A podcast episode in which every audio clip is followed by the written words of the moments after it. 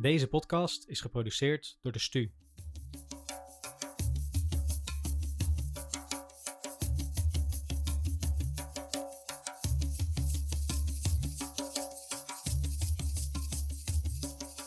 Wanneer Ed binnenkomt, zien we de lange witte raaf verschijnen. De korpsmariniers die vele sectoren heeft gezien en met zijn brede blik allerlei organisaties advies heeft gegeven. Ed noemt zichzelf graag een man met boerenverstand. Hij weet als geen ander te luisteren, echte businessbehoeftes op tafel te krijgen en mensen aan elkaar te koppelen. In zijn vrije tijd ontfermt hij zich over een stichting voor schuldhulpverlening en is hij voorzitter van een goede doelenstichting. Ik heb hem ontmoet als de landelijk coördinator van Zuid-Afrika, waar hij nu jaarlijks 100 missies vrijwillig begeleidt met vier lokale representatives. Maar vandaag vloog hij speciaal voor mij over van Helmond naar Den Haag, om vanaf hier weg te dromen naar zijn eerste missie in Bangladesh.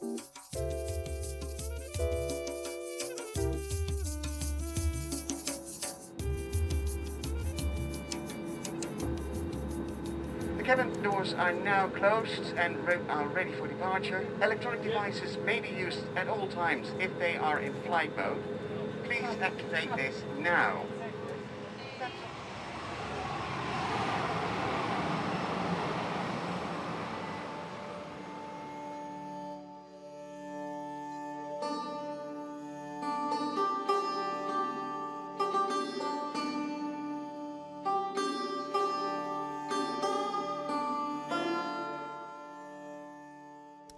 De Vliegende Hollander, werd in 2017 uitgezonden naar Bangladesh. De Nationale Luchtvaartschool kon zijn advies goed gebruiken. Deze man heeft een passie voor vliegen. Ooit nog werkzaam geweest bij Fokker en bovendien heeft hij jarenlang zijn eigen vliegtuigje bevlogen. Niet alleen deed hij de vrouwen in Bangladesh hun nek doen omdraaien, ook was hij ontpopt tot heuse keynote speaker van de luchtvaartschool. Hoe wist hij de ogen van de studenten weer doen schitteren, tot kiespijn aan toe? Wat was zijn indruk van de lokale bevolking en waarom kwam de hotelbediende hem kip met rijst en rijst met kip brengen met een romantisch kaarslicht? Ga er lekker voor zitten en reis met ons mee op missie.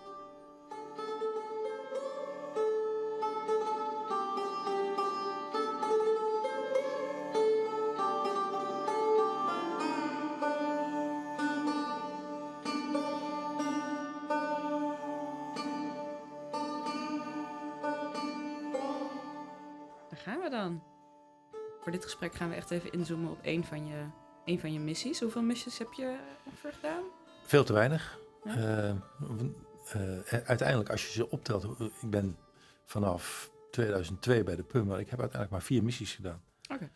Ik heb een nogal eh, ehm, breed profiel.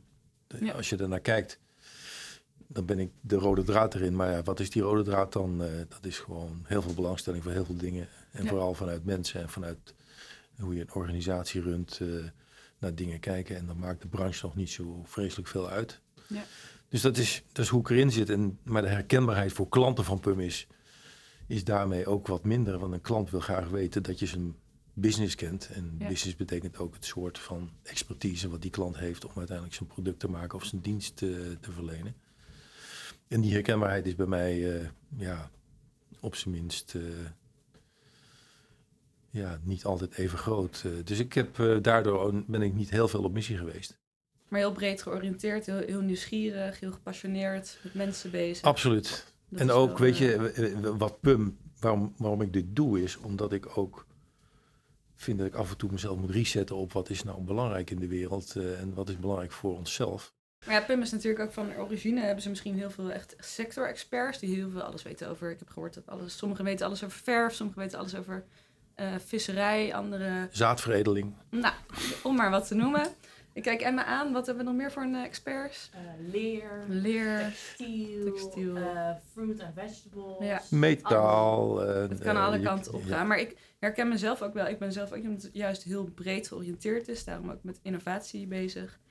En ik denk als inderdaad, als je echt interesse hebt in, gewoon nieuwsgierig bent en echt passie hebt voor wat, waarom doen mensen wat ze doen, dan kom je ook wel tot de core van een business en hoe ze dat beter kunnen doen. Dus jij wilde met mij ook in, in gesprek gaan over je eh, missie naar Bangladesh, maar ook omdat jij daar met een eh vliegschool aan de slag mocht. En jij zei eigenlijk van, dat herinner ik me ergens een zinnetje van wat je me toestuurde, dat vliegen is gewoon passie. Ja, absoluut. luchtvaart is passie. Eh, het is ook een eigen ecosysteem, hoe groot het ook is in de wereld. Maar vliegen heeft kennelijk iets in zich. En ik heb dat van jongs af aan. Ik heb natuurlijk alle plastic modelletjes gebouwd en geschilderd. En eh, ik heb mijn eigen modelvliegtuigen gebouwd om mee te vliegen. Radiografisch bestuurd, al die dingen gedaan. In mijn loopbaan bij de marine heb ik ook eh, mijn eerste stappen in het vliegtuig eh, gezet. En ben ik, heb ik mijn licentie gekregen om zelfstandig te mogen vliegen op een, Ja. op een instructievliegtuig van de marine. Maar het is ook een, ja, het is ook een eigen wereldje met, eh, met allemaal professionals die allemaal zo eigenwijs zijn. Als, als het- dat heeft ook, hangt ook samen met alle licenties die erop maar. Dat herkennen we toch, als je dat eigenwijs. hebt, ja, dat is echt absoluut, dat zit er allemaal in. Dus het Ja. is inderdaad een heel eigen, een heel eigen systeem. En eh, vliegen is gewoon vrijheid. Vliegen is eh, uit, uit helikopteren, zou ik bijna willen zeggen, boven eh, al dat ge- gewriemel hier, boven, op- hier op aarde. En gewoon even los zijn en je eigen regels hebben. En eh, de ruimte hebben en niet de ruimte kiezen. En Vlieg je nog steeds? ik ben ermee gestopt. Ehm, ik heb eh, een ehm, paar jaar geleden een hartoperatie ondergaan. Oh ja. En eh, nou, ik heb daarna wel weer een route gevonden om te mogen vliegen. Maar kennelijk is dat moment dan toch zoveel, heeft zoveel impact dat je Ja. ik denk van nou, misschien, eh, misschien is het ook wel goed om ermee te stoppen. Dus ik heb het vliegtuig verkocht en ik ben gestopt met vliegen. Maar de passie voor luchtvaart is er nog steeds. eh. Ja, nou daar gaan we het dan vandaag uitgebreid over hebben. Want eh, we, gaan eens even inzoomen op jouw eh, missie naar Bangladesh. We hebben hier net even op de kaart gekeken. Bangladesh helemaal ingemetseld door India. Veel geschiedenis. Daar komen we wel een beetje op terug. Maar in eerste instantie, dit was negen jaar geleden. Je ontving een hulpvraag van een bedrijf. Dus een, een vliegschool was dat in, in Bangladesh. En wat was in eerste instantie naar jou gecommuniceerd als, als de hulpvraag? Het was nog hele andere tijden van PUM, zei je toen. Het ging allemaal... Ja, het was, het was eigenlijk eh, hoe het werkt is, je wordt gebeld door eh, iemand die, eh, waarvan ik nu weet dat het een sectorcoördinator is. Iemand die daar iets over te zeggen had, zo heb ik het ervaren. Ja. En die belde gewoon of ik geïnteresseerd was om naar dat luchtvaartcollege te gaan. Het was geen vliegschool, maar echt een luchtvaartcollege in de Ja. zin van het gaat over het opleiden van, van jonge mensen om, eh, om werkzaam te zijn in vliegtuigonderhoud en bij de constructie van, eh, van vliegtuigen en het ontwerp. Ja, en, en, en, ja, eh, ben je gezegd, ja, lijkt me wel leuk. Stuur maar even wat toe. Dan krijg je een, een, een A4'tje met wat informatie en een paar basisvragen. En ja, ook blijkt dat jij ongeveer de enige bent die beschikbaar is om dit te doen, omdat jij de enige bent in de PUM omgeving die luchtvaartervaring heeft. Dus Ja. je bent een soort witte raaf. En, en daardoor ben ik gegaan. Niet omdat ik precies voldeed aan de kwalificaties die gevraagd werden, maar vooral omdat ik het wereldje kende en een redelijk breed eh, managementprofiel heb. En Ja. het risico waarschijnlijk niet zo groot was om mij te sturen zonder dat er een ongeluk gebeurde of zo. Ja. maar dat lijkt me toch redelijk, want ik weet niet wat de kwalificaties waren die ze zochten, maar dat lijkt me toch al... Dat ging over marketing, was bijvoorbeeld Ja. zo'n vraag. hè. En Ja, ja. ja, marketing is niet mijn vak of zo. Ik, Nee. eh, ik ben echt heel breed eh, gevormd, zou ik willen zeggen. Dus ik begrijp wel wat marketing is. Volgens mij Nee. kan ik nog wel een paar trucjes ook bedenken. Maar Nou, des te interessanter, maar daar komen we zo op terug. Maar je, eerst, je ging op reis, je, je, je ontving eerst deze hulpvraag, een paar weken later ging je, mocht je je koffers pakken. Ja. Je kwam aan na een, een reis van, is het 14 uur? ja, nee, het, viel mee geloof ik hoor. Een uur of zes, zeven denk ik, naar eh, Dhaka vanuit eh, Schiphol. Oké. De zwoele hitte kwam je waarschijnlijk aan. Nou, tussenstop in eh, Dubai. Eerst eh, met Emirates vliegen. Dan moest je, dat, was, ja, dat was een tussenstop. Dus daar heb ik een paar uur op het vliegveld gezeten. En toen door naar, eh, naar Dhaka.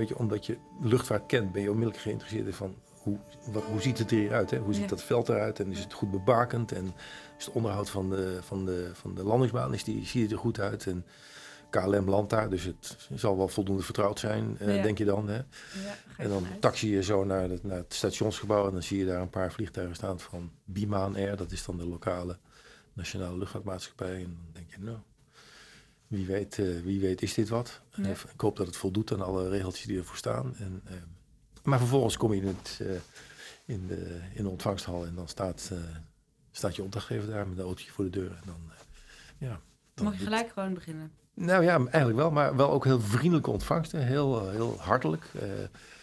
en ja, dan, dan stort je je gelijk in het verkeer. Nou, je kent die beelden van televisie wel, van Mhm. hoe het eruit ziet in, in dat soort omgevingen. In, in, in, eh, in India, maar ook in Bangladesh niet anders. De straten prop en prop vol. Je komt geen millimeter vooruit. Eh, stoplichten doen er niet toe. eh, die auto's hebben ook allemaal zo'n soort, zo'n soort, zo'n soort, een soort masje zo op de hoeken staan. Zo Ja. op de uiterste hoek, zodat ze weten tot hoe ver ze kunnen gaan, tot op de centimeter nauwkeurig tegen die andere auto aan staan en net niet en zo. En Precisiewerk. echt heel bizar eh, hoe dat is, maar en heel kleurrijk. Mensen in die bekende oranje en gele uitdossingen. Ja. Heel bijzonder. Ja, dus je kwam, je kwam dan aan op die, op die school. En, eh, want dat was niet op het, op het vliegveld zelf, maar... nee, dit, dit is in de stad. Ja. Wel relatief dicht bij het eh, vliegveld, maar niet, eh, niet erop. Die school zit gewoon in een straatje in de stad. Oh ja. ja, een betrekkelijk modern ogend gebouw. Waarvan dan eh, één of twee verdiepingen gehuurd waren voor de school. En dan de mensen, ja, die zijn heel open, heel spontaan, eh, glimlachend, eh, voorkomend. Blij dat je er bent eigenlijk, dat gevoel krijg je. Ja. En je beschreef al van tevoren dat de studenten waren eigenlijk opgeleid. Nou, die werden vervolgens eh, in, in een ruimte eh, gebracht en die werden daar, eh, ja, die werden daar.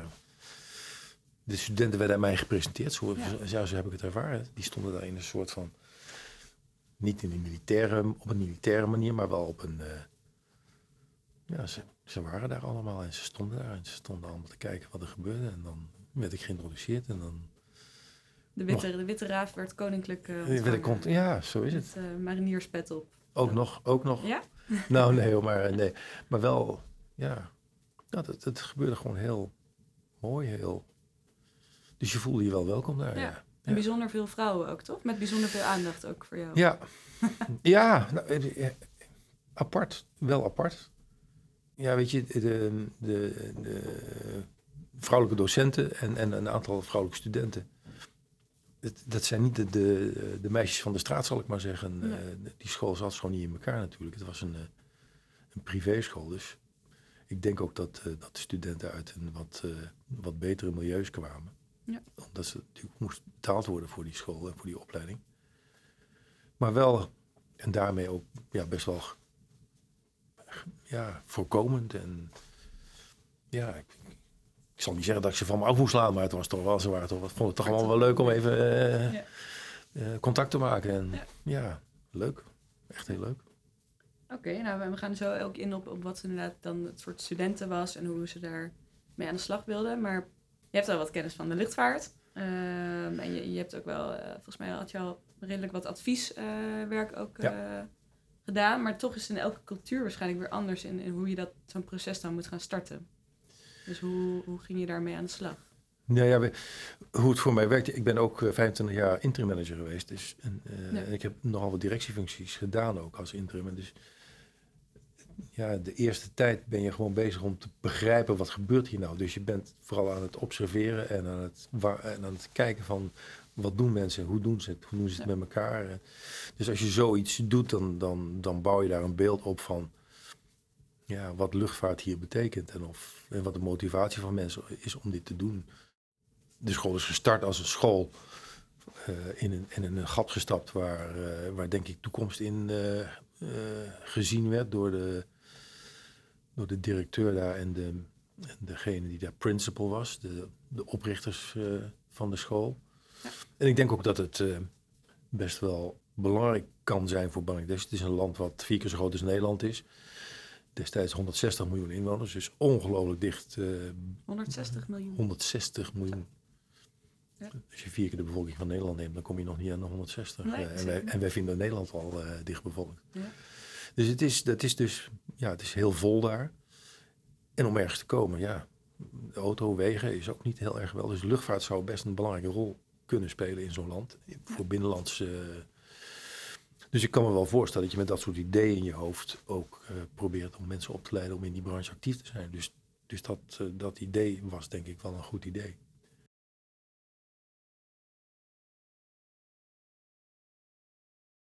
Dus in die zin eh, snap ik wel dat, dat de school zich daarop richt. Alleen ja, als je dan kijkt naar de studenten die daar kwamen, dan dat vonden ze het allemaal wel prima en een goede opleiding. En eh Mhm. Parma betaalde ongetwijfeld de opleiding. Dus hier en daar zag je ook een uniform.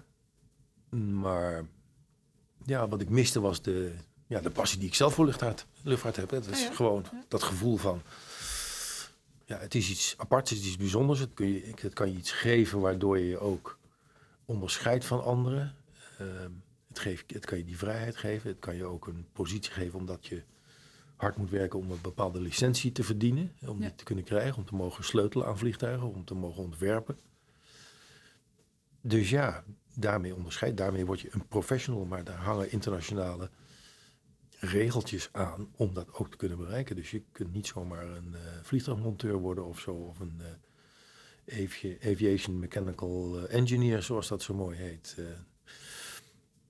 Want waarom miste je dan die passies ook? Omdat, dat, omdat- dat zie je gewoon, dat mensen, die, die, die kinderen, die kind, ja kinderen, ik noem maar kinderen, maar Ja. die studenten zitten in de klas. En je ziet wel dat sommigen ook echt geïnteresseerd zijn en alles willen weten, maar je ziet er ook een aantal die gewoon, ja, je mist gewoon die schittering in de ogen, zou ik bijna willen zeggen. Ja. Van, god, dit is leuk, dit wil ik weten, dit, eh, hier ga ik voor. Je merkte niet dat ze per se echt hun dromen najaagden. Nee. De eerste keer dat ik eh, met een vliegtuig eh, de wereld inging was in 1959. Toen mijn vader was bij de marine. En we, we- hij werd geplaatst op de Nederlandse Antillen. Dus wij vlogen vanuit Nederland naar Schiphol. vanuit Schiphol naar Curaçao. Met allemaal tussenlandingen. Frankfurt en Lissabon en Santa Maria bij de, op de Azoren. Dat was mijn eerste vliegervaring. En toen was het nog iets, dat was iets speciaals, iets heel bijzonders. Ja. En Dat, deed, dat, deden, dat deed bijna niemand eh, zo vliegen. Eh, en nu is het natuurlijk, eh, ja, weet je, het is nu een, eh, boods het is een boodschappendingetje. hè. Ik bedoel, als je kijkt hoe de Ryanairs en de EasyJets ermee omgaan. eh, en, eh, prima, het is een markt en, en die wordt bediend. En het is, maar het is, dat soort glitter en glamour is toch wel een beetje verdwenen. Maar het blijft wel een bijzondere omgeving, juist door die professionaliteit die nodig is om veilig Ja, te kunnen blijven precies. vliegen. Dus, dus dat miste dan eigenlijk Ja. vooral. Want ik, ik ken wel ook een, een piloot bij KLM. Nou, die is wel erg trots als hij rond, mag lopen met zijn koffertje vanaf huis naar het vliegveld hoor. Met zijn eh, streepjes. En al die stewardessen die je ook tegenkomt in de trein en ook allemaal tuut, tuut, tuut. Ja.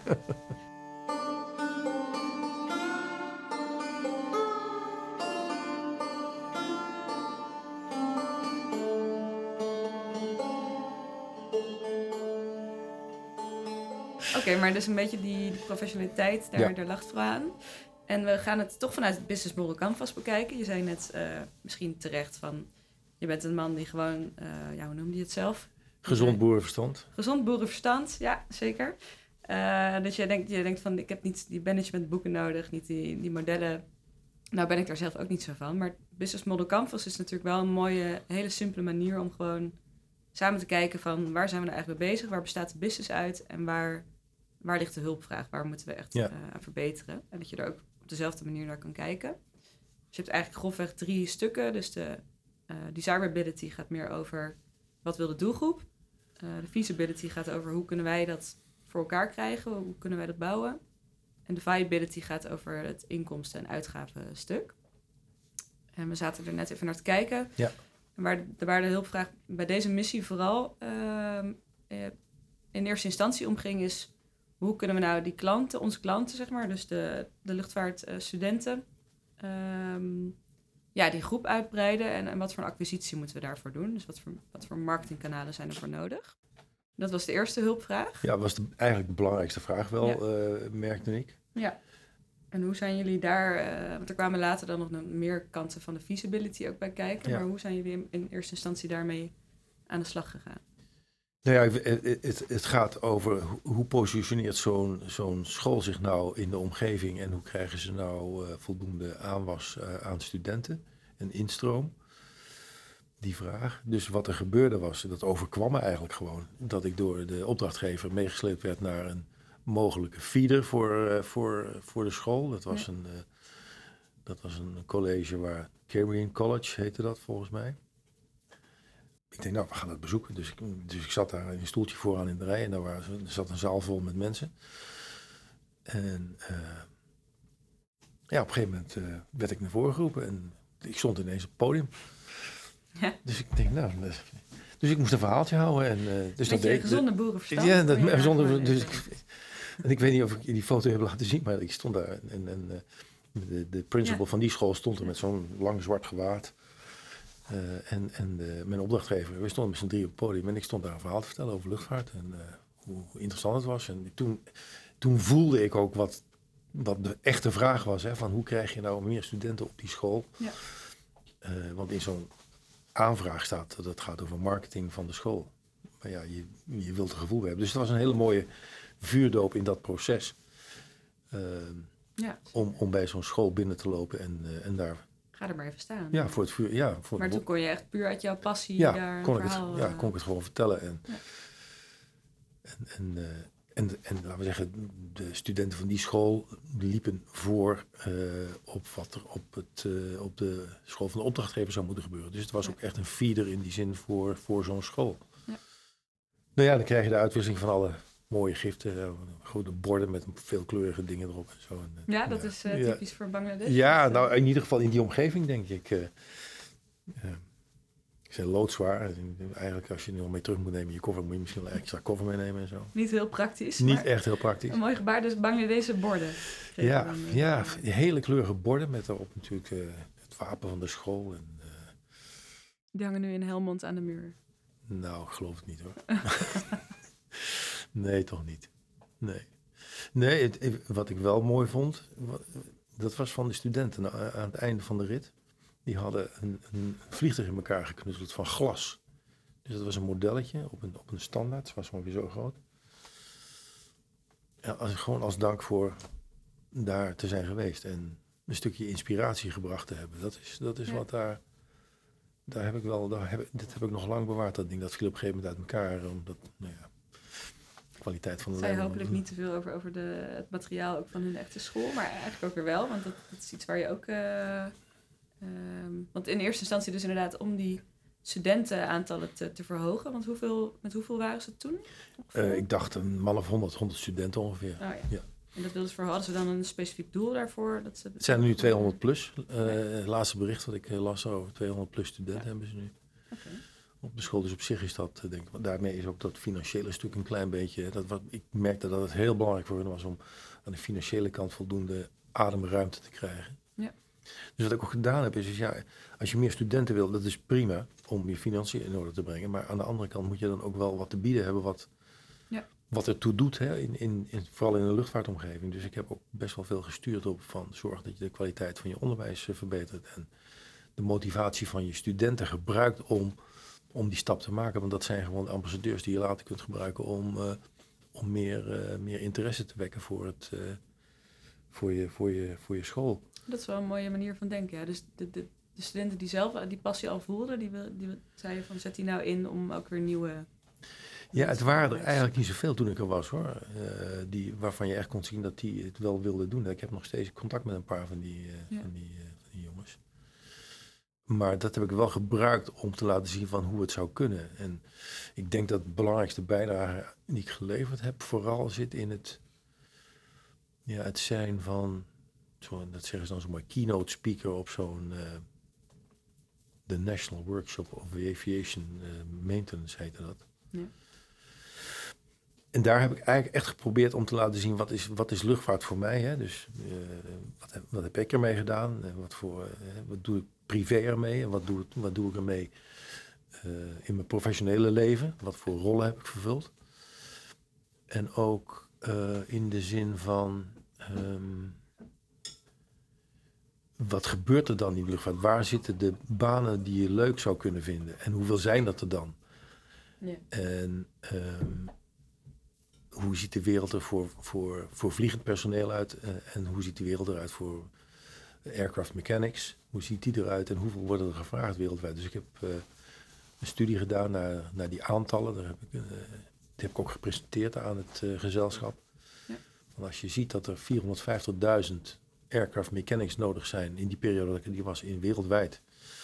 en dat zich in China een enorme markt aan het ontwikkelen is voor luchtvaart, dan moeten er toch kansen genoeg zijn voor jullie om, te, om, om daar wat mee te doen, om daar, laten we zeggen, op te richten. Dus daar heb ik een appel op gedaan. En ik heb gewoon laten zien ja, wat luchtvaart voor mij is. Ik vind gewoon, het is gewoon, eh, ik ben een gepassioneerd iemand voor luchtvaart. Dat is gewoon, luchtvaart is gewoon geweldig. En dus daarmee heb ik geprobeerd een aanzet te geven in, in het denken over luchtvaart. En, en als je er wat mee wil, dat je er ook wat mee kan. Dat er gewoon kansen genoeg zijn in de wereld om er wat mee te doen. Nou, dat is toch een mooie rol als je na, na je jaren eigen werkervaring, ook al noem je het dan heel breed, maar dat je eigenlijk naar Bangladesh mag gaan en daar gewoon even mag spreken als keynote speaker. En, en, en je hebt dus zowel de studenten eigenlijk een, een toekomstbeeld geprikkeld, een soort van visie gegeven van wat kan je er nou mee doen. Eh, maar ook de school zelf dus een, een visie geschetst van waar kun je allemaal heen. En, en dan dus aan de slag gegaan met strategie om daar ook echt heen te, te gaan. Eh, dus inderdaad met key partners voor accreditatie vooral gezocht. Eh, key activities en, en key re- resources aangepakt door te kijken naar wat hebben we nou nodig intern. Dus meer beter lesmateriaal, Ja. eh, gekwalificeerde opleiders. Ja, ze hebben eh, gekwalificeerde opleiders, en ook in aantallen. Hè, want er waren eh, een aantal, er waren wel een aantal docenten. Er was ook een, noem het maar, een soort hoofdopleidingen. Dat was een, iemand een, een uit Ba- Bangladesh afkomstige man, maar die, denk ik, twintig jaar in Rusland had gewerkt bij luchtvaartorganisaties. Ja. Die zie dan die kennis ook mee naar, dat, eh, naar die school. Dus op zich is dat goed. Ik bedoel, want luchtvaart is luchtvaart. En dat Rusland of Amerika of Europa. In de kern maakt het niet zoveel uit. Als het vliegt, dan vliegt het. Gaat over veiligheid. Ja. En, eh, maar die man die had een probleem.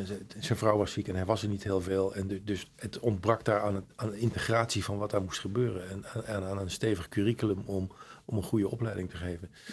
Dus er waren wel gemotiveerde docenten, maar er waren er te weinig om, eh, om, eh, om voldoende eh, les te kunnen geven. Dus er werd ook ter plaatse een advertentie ge- gezet in de, in de lokale pers.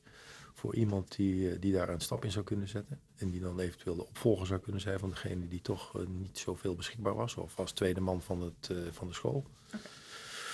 Maar ik heb daar de resultaten niet meer van gezien. want die missies duren natuurlijk maar 14 dagen. Dus voordat je zo'n procedure rond hebt. Maar er is wel een poging gedaan om wat te doen aan het, aan het bouwen van capaciteit. en ook vooral verantwoorde capaciteit. Mensen die gewoon gekwalificeerd zijn om dit werk te doen. En die ook zelfs eh, eventueel eh, eerste basislicenties kunnen, kunnen, kunnen afgeven als dat eh, zo past. Ja. Ja, en hoe het in elkaar zit is, je kunt, je, in- per land kun je in de wereld je eigen regeltjes maken als het gaat over luchtvaart. Maar het is toch wel belangrijk om internationaal aan te sluiten bij wat er bij IATA, dat is een, dat is een, een Verenigde Naties organisatie voor luchtvaart die basisregels opstelt voor internationale luchtvaart. En dan heb je de grote landen zoals Amerika, Europa en, en, eh, en Rusland die hun eigen systemen hebben om dat te doen, die nog wat strakker zijn. Dus als je wat wilt, dan, dan zul je toch ook naar buiten moeten te stappen om met je basis die je dan in zo'n land opdoet ook eh, de echte, tussen aanhalingstekens, de echte licenties te halen. Ja. Nou, die stappen, ja, die zijn ze denk ik nu aan het zetten. Ik, ik had toevallig eh, onlangs nog een van die studenten aan de lijn, die is nu echt formeel gekwalificeerd. Die heeft gewoon de dingen die nodig zijn om het, om het vak goed te doen. Dus ik denk van, nou, die heeft die stap gezet. Ja. En, en, dat, en dat is gewoon heel mooi. Ja.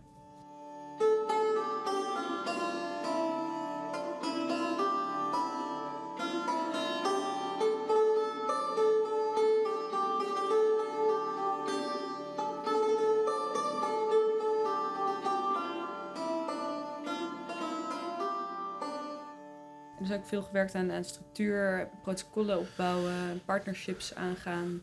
eh, Kijken waar je op kan aansluiten. Ja, partnerships. eh, partnerships met. Ik, ik heb bijvoorbeeld eh, contact gehad met de Hogeschool in Holland, in Amsterdam, omdat die een, een, een afdeling hebben die luchtvaart doet. Maar ik ben daar niet heel ver mee gekomen, omdat zij zelf niet zomaar geïnteresseerd waren om in een soort uitwisselingsprogramma terecht te komen met, eh, met deze school in, eh, in Bangladesh. Ik heb ook nog met, met een Amerikaanse eh, universiteit contact gehad. Een beetje brievenbus aan universiteit. Dus daar was ik niet Ja. zo blij mee dat, dat hij dat wilde. Want hij wilde per se die accreditaties hebben. Om toch een soort stevige bodem te hebben onder zijn curriculum. Er was ook nog een Newport College, heette dat. Maar dat was een in Letland gevestigde, ook brievenbus universiteit. Dus ik was daar niet zo... Ik denk van ja, dat moet je zo niet willen. Dan moet je ook echt een stap zetten naar, naar een stevige universiteit. En dus dat proces heb ik niet af kunnen ronden. Maar ik heb hem wel Ja. proberen mee te geven. Je, moet- Ja, je moet precies. echt stevig in de wereld staan eh, als je mensen wil afleveren die wat eh, te melden hebben in de luchtvaart. Ja. ja, daar ben ik zo wel benieuwd naar, naar inderdaad wat ze zelf nou doen met wat ze leren met jou buiten die 14 dagen. Maar je bent ook nog volgens mij in Nederland bij je oude werkgever Fokker eh, Ja. voor lesmateriaal. eh, Nou ja, ik zag natuurlijk dat ze daar eigenlijk helemaal geen, geen lesmateriaal hadden. Helemaal niks. Ja. Ze hadden er een grote kelder onder dat gebouw. En daar werden dan ook eh, eenvoudige lesjes gegeven op het gebied van het bewerken van metaal en van hout en zo. Maar dat is heel algemeen. Ja. Maar nul luchtvaart eh, gerelateerde activiteiten. Er lag wel een grote DC-10 motor in de, in, de, in de tuin voor aan het college. ja. Maar ja, daar kon niet aan gesleuteld worden. Dat, dat ding, dat was mooi. Het was een mooi uithangbord hè, voor de marketing, prima. Maar, Ja. maar, niet, eh, maar niet om aan te sleutelen.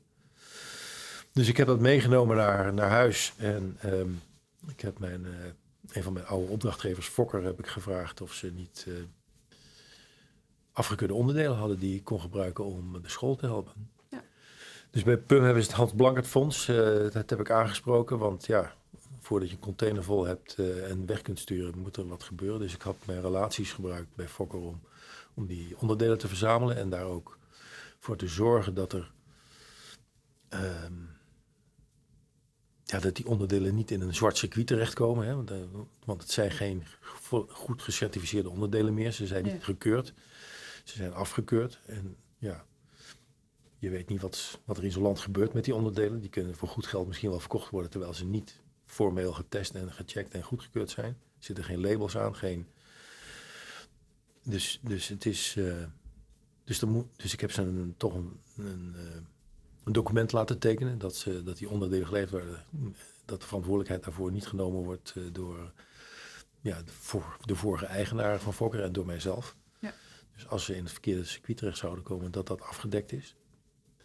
Maar uiteindelijk eh Hans Blankert Fonds gevraagd om eh, de reis eh, van de container te betalen. En dat is ook gebeurd.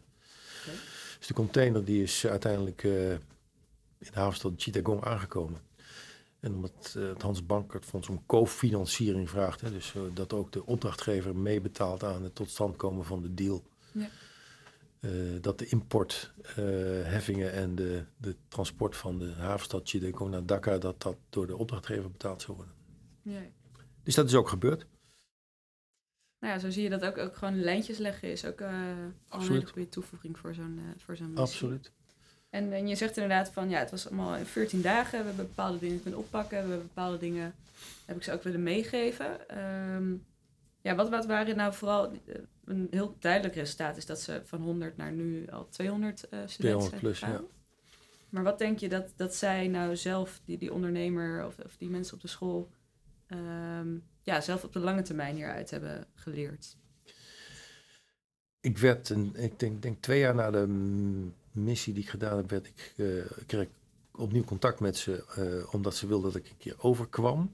Ja. Om opnieuw zo'n soort van seminar te doen als keynote speaker. Dus ze wilden opnieuw, laten we zeggen, aandacht vragen voor, voor, voor de school en voor de marketing van de school. En om mensen te interesseren voor, eh, om, om die opleidingen te doen. Ja. Dat paste toen gewoon niet. Eh, dus dat heb ik eh, jammer genoeg niet kunnen doen. En uiteindelijk hebben ze zelf hun weg gezocht. Ehm, en wat ik, ja, wat ik nu zie in het contact eh, dat ik met ze heb, is dat ze in ieder geval een stuk professioneler zijn geworden in hun, in hun aanpak van, van, eh, van het curriculum. Eh, maar dat ze nog steeds worstelen met ja, wat ze daar kunnen, op dat niveau kunnen eh, in Bangladesh. En de eisen die de luchtvaartwereld stelt. Dus studenten die krijgen een basis op die school.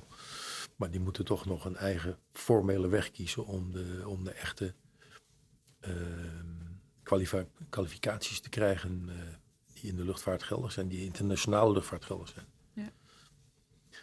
Dus als ik zo naar Bangladesh zou vliegen en ik zou daar een sportvliegtuigje willen huren op basis van mijn brevet, wat inmiddels verlopen is, maar wat toen nog geldig was, dan zou ik niet zomaar in zo'n vliegtuig gaan stappen daar. Nee, Dat zou ik dus niet zomaar doen. Veel, eh, Dat zou ik niet zomaar doen. Veel werk aan de winkel, maar ze hebben wel echt een professionaliseringsslag. Absoluut. En ook misschien qua mindset anders in de business staan of andere manieren eh, van samenwerken zoeken.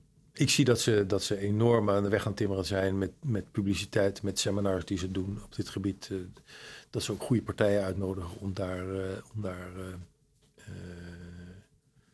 een rol te spelen in de totstandkoming van het seminar en wat er, wat er gezegd wordt, het soort sprekers wat ze uitnodigen.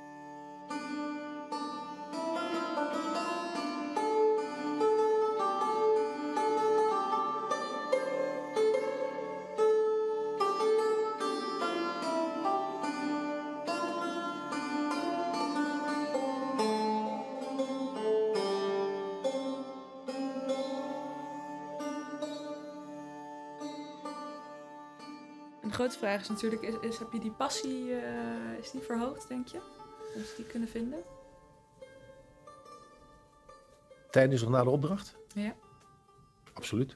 Weet je, als ik, als ik, ik heb nu net de, fo- de fotootjes allemaal weer bekeken. Hè, en dan, dan, zie ik, dan zie ik me daar staan met, eh, met die studenten. En ik, ik, ik doe uitreikingen van diploma's. En naar aanleiding van, de, van die workshop. eh, ze hebben allemaal dingen moeten doen. Dus ik heb vragen opgesteld en gezorgd dat ze in. Dus dan, dan zie je die mensen staan en dan willen ze met je op de foto. En dan sta je. Ja. En dan moet, dan moet je de arm om ze heen leggen. En dan, dan moet die foto gemaakt worden. En dan, ja, dat is gewoon. Dat geeft sowieso een goede Ja, dat is gewoon geweldig. Dan heb je kennelijk toch iets bereikt als het gaat over dat stukje inspiratie wat je over wil brengen over wat luchtvaart is en waarom het zinvol zou kunnen zijn om daar wat mee te doen. En dat geldt niet voor iedereen, want ik ken genoeg mensen die vinden helemaal niks van luchtvaart. Die vinden het, ja, die vinden het helemaal niks. Nee. Kan ik me niks meer voorstellen, maar ja, weet je. We kunnen er uren over praten.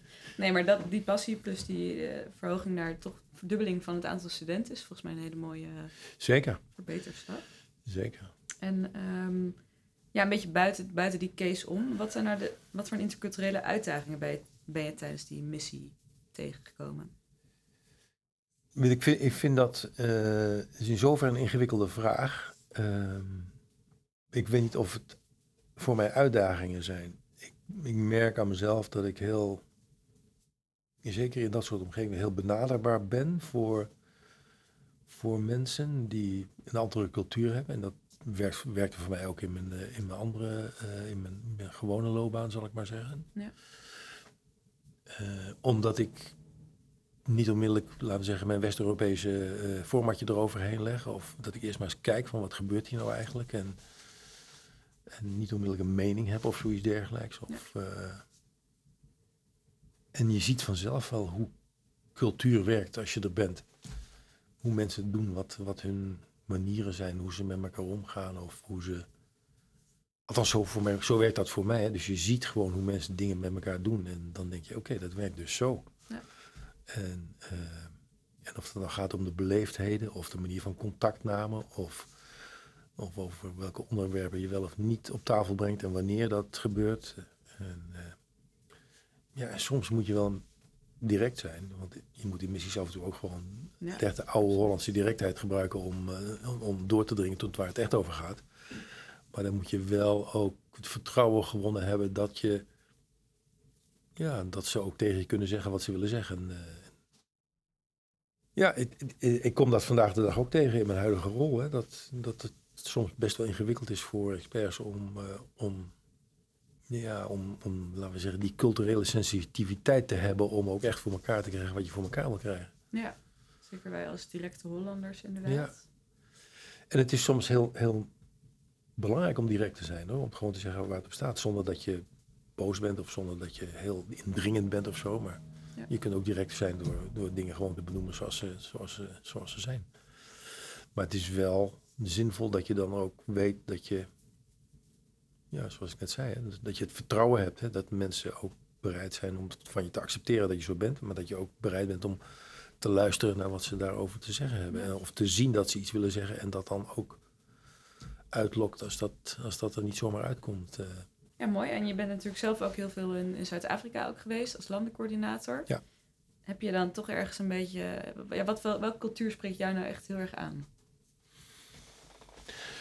Zuid-Afrika is een land met heel veel culturen.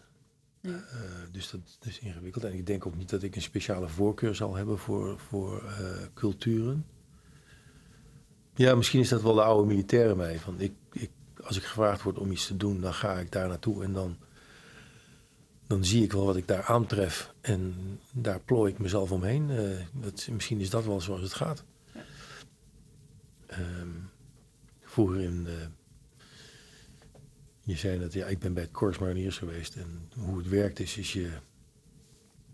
Je gaat op missie, om het zo maar te zeggen. En je hebt een, eh, een groep mensen bij je en daar moet je het mee doen. En daar doe je het ook mee. En je weet dat de communicatie nooit eh, optimaal zal verlopen. Dus je bent ook aangewezen op jezelf met je mensen. Ja. Dus wat je doet is, ehm, je handelt naar bevind van zaken. Zo is, zo is dat. En je bevind van zaken, dat, ja, dat komt uit jezelf. Hè? En hoe- waar je vandaan komt en hoe je in het leven staat. En ik zou bijna willen zeggen, dat is onafhankelijk van cultuur. De cultuur is, is de context waar je in terechtkomt. En die context die heeft bepaalde eigenschappen. En je probeert daar, ja, je probeert daar je weg in te vinden. Ja. En dat betekent dus dat je open moet staan voor wat, voor wat je ziet. En, en dat ook echt, echt zien wat je ziet, om het maar zo te zeggen. Misschien is dat het wel. Hoe mensen dingen met elkaar doen. Want ben je, ben je inderdaad op bepaalde manieren nog gegroeid? Groei je elke keer weer? Of zijn er nog dingen die je zelf echt wilde leren in, eh bezigheden? Nou ja, er is natuurlijk een gigantische open deur dat je nooit te oud bent om te leren. En, en, Ja. en dat is denk ik ook gewoon zo. En dus je ziet gewoon elke keer weer nieuwe dingen. Dat je denkt van ja, wat, wat is dit dan? Hoe werkt dan dit? En je hebt natuurlijk wel een wereldbeeld en, eh, en eh, hoe, hoe we elkaar allemaal dingen aandoen in deze wereld. Maar als je, als je nu terugkijkt naar Bangladesh bijvoorbeeld. Ja, wat ik, wat ik achteraf denk, eh, wat ik ervan geleerd heb, is dat ik misschien toch wat directer erin had kunnen gaan. Hè, met, met, eh, met, die, met de opdrachtgever. Achteraf denk ik van, ik had hem veel meer, ik had veel directer kunnen sturen op zijn accreditatievraag. Terwijl ik dacht van, jij doet dingen die ik helemaal niet wil. Ik wil niet met die brievenbus dingen te maken hebben. Dat, Mhm. en achteraf denk ik van ja, misschien had ik hem gewoon wel veel, veel beter moeten helpen daarmee. En ik heb me uiteindelijk geconcentreerd op het motiveren van de studenten. Wat voor mij veel gemakkelijker ging eh, om dat te doen. Maar ja, je zit er niet alleen voor de, voor de studenten of voor, voor datgene waar je goed in bent. Soms moet je ook dingen aanpakken die misschien wat minder makkelijk eh, lopen. Ja. Dus dat was wel een dingetje waarvan ik denk van ja, daar had ik, eh, daar had ik meer aandacht in aan kunnen besteden. Ja. Nou was het ook zo dat die man ook wel heel veel weg was. Hè, dus, dus ik- ja, weet je. En het gaat er ook om met die man dingen te doen. Hè. Dus als ik altijd met hem had, dan probeerde ik hem te sturen op. Ga nou niet van die laffe accreditaties doen. Probeer nou eens iets stevigers bij te pakken. Eh, uiteindelijk is hij het ook gaan doen, hoor, want ik merkte dat hij op een gegeven moment naar, eh, naar Londen kwam en naar, naar Wenen kwam om, eh, om zinvolle contacten te leggen. Dus uiteindelijk heeft hij die stap wel gezet, denk ik. Ja. Maar, Ja, je hebt natuurlijk ook maar twee weken. Hè? We kunnen het, en er gebeuren waarschijnlijk heel veel mooie dingen, maar we moeten het ook niet romantiseren. Je zei ook Nee. al, ehm, nou, je loopt ook tegen dingen aan. Je zit ook in een hotel waar de, de, de eh, stoppen constant doorslagen. Je hebt kip met rijst of je hebt rijst met, rijst met kip, ja, mooi vertelde je. Ja, dat was nogal eenzijdig. Ja, rijst met kip en kip met rijst. Ja, Ja, power, power load shedding hebben we in- Zuid-Afrika overigens ook. Power load shedding, dat Ja. is eh, ja, gewoon op bepaalde momenten van de dag dat er gewoon stroom is. Dat was in Syrië trouwens ook zo. ja dat, kennen wij hier in Nederland gewoon helemaal niet. Dat is, dat is, je neemt het voor, voor lief dat, het gewoon, dat er gewoon altijd stroom is. Nou, dat is daar dus gewoon niet. dat dus- de, de, even de echte back to basics of de harde realiteit inderdaad. ook. Ja, en gewoon een kaars op tafel. Dan wat- komt er een mannetje met een kaars op eh, de trap op en die zet een kaars bij jou op tafel. En dan, dat is het dan. Ik was bij mijn opdrachtgever, thuis, heb ik nog niet verteld. De opdrachtgever nodigde me thuis uit om te eten. Dus het was echt een soort formele uitnodiging. Dus ik kwam daar. Eh, en ik ging aan tafel zitten. En eh, ja, het is alcoholvrij allemaal daar natuurlijk. Hè, al islamitisch land. Dus- was in Syrië? Of in, Nee, in, in Bangladesh. Ja? Oh, Dus, eh, nou ja, ik ging eten. Dus er stond van alles lekkers op tafel. En eh, de opdrachtgever zat hier en zijn vrouw zat daar. Helemaal geslagen en zo. En een zoontje. Een zoontje was een ongelukkig kind. Dat had een soort spastische aandoening. Dat was, zat, ja, was echt eh, een beetje zielig om te zien. En dus, nou ja, toen gingen we eten. Maar we, we gingen niet eten. Ik ging eten. En zij gingen kijken hoe ik het eten ging opeten. Dus dat was wel heel bijzonder om te zien. En het was tijdens tijden was, werd opgehaald door de chauffeur en weer weggebracht. Was ook tijdens een powerload shedding. Maar ja, die man woonde in een klein appartementje, echt een klein appartementje. Het stelde eigenlijk helemaal niks voor. Eh, en die, maar die had zijn eigen generator. Dus iedereen heeft daar ook zijn eigen generator om te zorgen dat als er die power load shedding er is, dat er dan gewoon dat je toch nog een beetje stroom hebt om het licht te hebben of wat je dan ook allemaal aan wil doen. Of de airconditioner. En elke dag, elke avond toch je bed even openslaan om te kijken of er geen merkwaardige beesten in zitten. In mijn jeugd heb ik op de, de Nederlandse Antillen gewoond. En, eh, Oh ja. Ik ben daar ooit gestoken door een, eh, door een schorpioen. Dus je houdt daar ook toch wel een soort reflex aan over. Van eerst even kijken voordat je je schoenen aantrekt en zo. Weet je, dat soort. Oh, die ken ik ook nog, maar dan uit Leiden met een dode muis erin. Ja. Dat kan overal gebeuren eigenlijk. ja, maar wat heer, ja, wat, gaaf om weer zo even helemaal meegenomen te worden naar, ehm, naar zo'n missie. Ja, ik ben ook eh, nog, nog op pad geweest met de opdrachtgever. Want opdrachtgever moet ook altijd iets met je doen hè, als expert. eh, als een soort van introductie in het land of hoe je er tegenaan wil kijken. Ja. Dus hij heeft me meegenomen naar het monument waar die miljoen slachtoffers van die vrijheidsoorlog herdacht kunnen worden. Ja. Vond, vond dat wel heel bijzonder dat, dat, hij, dat, dat hij dat deed.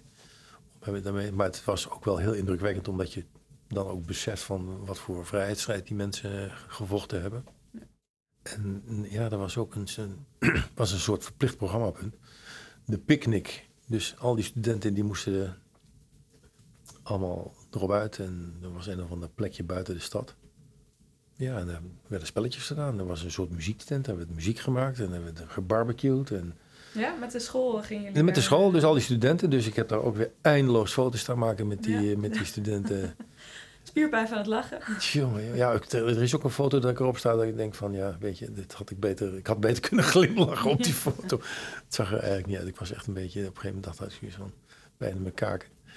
Nee, maar goed, weet je, die, ja, weet je, die, eh, die studenten vonden, vonden dat gewoon prachtig. En eh, ja, de- de- dus die blijven je dan ook eh, contacten over allerlei dingen die ze aan het doen zijn. En wat ze willen en of je ze niet kunt helpen aan een mooie opleiding of zoiets dergelijks. Dus ik heb zo, sommigen ook in contact gebracht met, eh, met een school hier op Woensdrecht, waar ik eh, mijn laatste opdracht gedaan heb als, eh, als interim manager.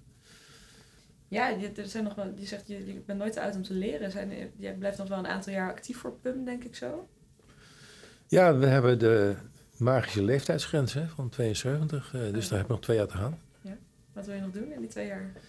Nou ja, ik ben met mijn team in Zuid-Afrika bezig om. eh, ja, de laatste anderhalf jaar of het laatste jaar hebben we natuurlijk weinig kunnen doen. Ik heb dan, kon er niet naartoe, dus alles gebeurt digitaal. Maar ik heb in mijn team twee mensen eh, ben ik kwijtgeraakt. Eén aan COVID en één heb ik eh, moeten laten gaan omdat dat gewoon niet werkte. Ja. Dus ik zit nu met vier eh, local reps en ik heb er nu, eh, ik heb er nu twee die ik per 1 mei benoem eh, om eh, in een proefperiode tot eind van het jaar te laten zien wat ze kunnen. Eh, dus dat is zeker belangrijk om die in te werken en te zorgen dat, ze- dat zij op standaard komen als het gaat over wat, eh, wat we als PUM willen in Zuid-Afrika en eh, welke agenda's we hanteren en welke focusgebieden we hebben. En, dus, dat, dus daar heb ik nog, nog, nog. En ik moet oude relaties weer, weer opnieuw aangaan om te zorgen dat, we, dat daar ook voldoende support en fac- facilitation vandaan komt om te zorgen dat we de goede missies kunnen draaien en de goede projecten kunnen, kunnen draaien om uiteindelijk eh, in, in programma's terecht te komen. Want hoeveel missies doen we in Zuid-Afrika gemiddeld? 100? 100 per jaar. Ja. Ja, gaaf. Ja, het is heel verdrietig van Leslie eh, Afri- Afrika, inderdaad, een van de, Ja. van de local reps. Ik heb hem gelukkig nog mogen ontmoeten. Ja, Een maand voordat, voor zijn overlijden, plots overlijden. Hele hartelijke, humorvolle man die, die ook zei, die al eh, gelijk uitnodigde nodigde om naar Kaapstad te komen. Ja. En volgens mij ook altijd vol in de belangstelling. Vooral heel veel lijntjes kon leggen ook. Hij kon volgens mij heel goed samen met mensen samenbrengen. Ja, heel goed. Een heel innemende man. Ehm, was al twintig jaar aan PUM verbonden. Ja. Ehm, komt je ook altijd afhalen op het vliegveld. En dan gaan we altijd even dineren. En dan is het meestal laat in de avond al. eh, Ja. Nog net geen middernacht. Ehm, ja, echt heel jammer dat, dat hij eh, is overleden aan COVID. Eh, Ja. Heel jammer. Ja, dat is ook verdrietig. Ja. Ja, zo gaat dat. Maar je leert bijzondere mensen kennen en, eh, je, je kan bijzondere eh, dingen ondernemen. En je hebt nog twee jaar om eh, daar minstens nog wat moois in te brengen. En is er ook nog een advies dat jij aan andere PUM-collega's geeft? Je we hebben alle leeftijden, we hebben alle sector- of niet-sector-specifieke experts. Ehm, wat zou jij als algemene learning aan ze meegeven? Ja, als het gaat over de experts. ehm, ik denk dat je merkt dat PUM is toch een soort hybride organisatie. Eh, en dat, is, dat, is, dat, heeft, eh, dat heeft voordelen, maar het heeft ook nadelen.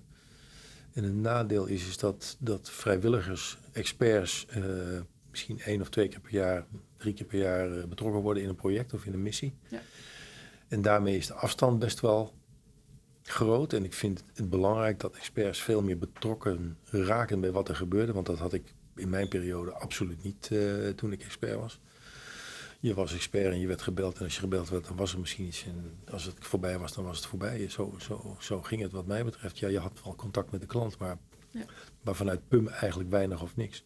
Dus ik denk dat het voor experts belangrijk is om zelf ook actief proberen contact met PUM te onderhouden. Zeker waar we nu in een veranderproces en in een verdere professionalisering zitten met PUM. eh, proberen dat vorm te geven. Maar is het zo ingewikkeld om... En ik krijg ook nog telefoontjes van gisteren ook weer van een expert... die niet, niet of nauwelijks meekrijgt wat er hier gebeurt bij PUM. En er gebeurt een hele hoop. Ik zit daar zelf nu ook middenin. Met alle ontwikkelingen die er zijn. Ehm, en ik denk dat het belangrijk is om te begrijpen waar PUM mee bezig is en waar, wat PUM nu opnieuw wil en welke kant ze op willen. En om die betrokkenheid daar ook bij te hebben. Want het zou te vrijblijvend zijn om alleen maar uitgenodigd te worden voor een missie en daarna het maar weer na- naast je neer te leggen. En ik zeg Ja. niet dat veel experts dat doen, hè, maar het is zo belangrijk om daar nu veel meer aandacht aan te besteden dan misschien eh, in het verleden eh, gebruikelijk was. Jazeker. Dat je niet alleen een individu bent die iets kan toevoegen, maar ook... Daarom ben ik juist onder andere met jou en eh, wil ik koffie drinken om gewoon van elkaar ook te leren. Ja. Je kan zoveel van elkaar leren natuurlijk.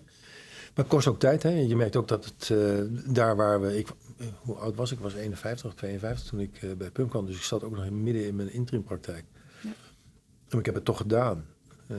met, met alle beschikbaarheidsproblemen van. Dat zie je nu weer. Hè? Met, dat jonge mensen en jongere mensen PUM-expert worden of willen worden. Maar dat hun beschikbaarheid om de goede dingen te doen. En je merkt dat we steeds meer met elkaar communiceren. Omdat we de digitale mogelijkheden hebben ontdekt Ja. door COVID.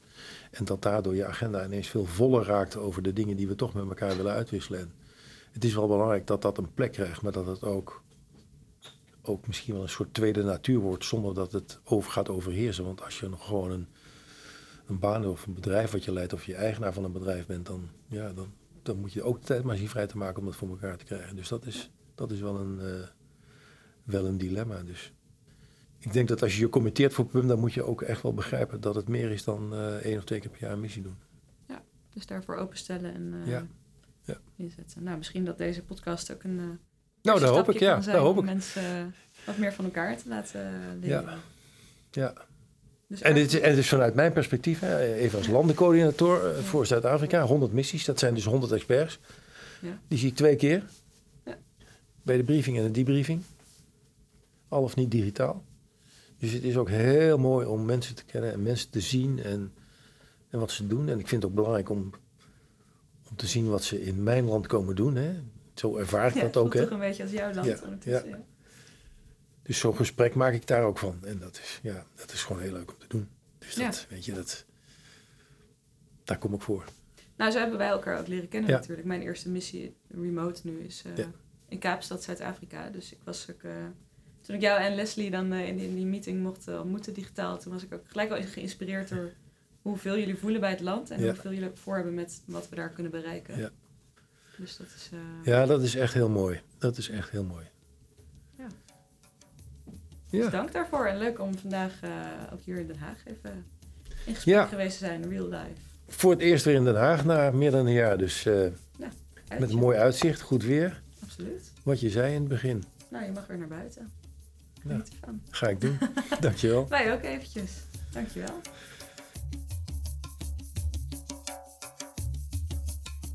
Leuk dat je mee bent gegaan met Ed naar de Bangladesh. Zit je al in de vliegtuigmodus? In de volgende aflevering gaan we op missie met Karel. En komen we erachter hoe hij de supply chain achter de pultjes op jouw bord optimaliseerde.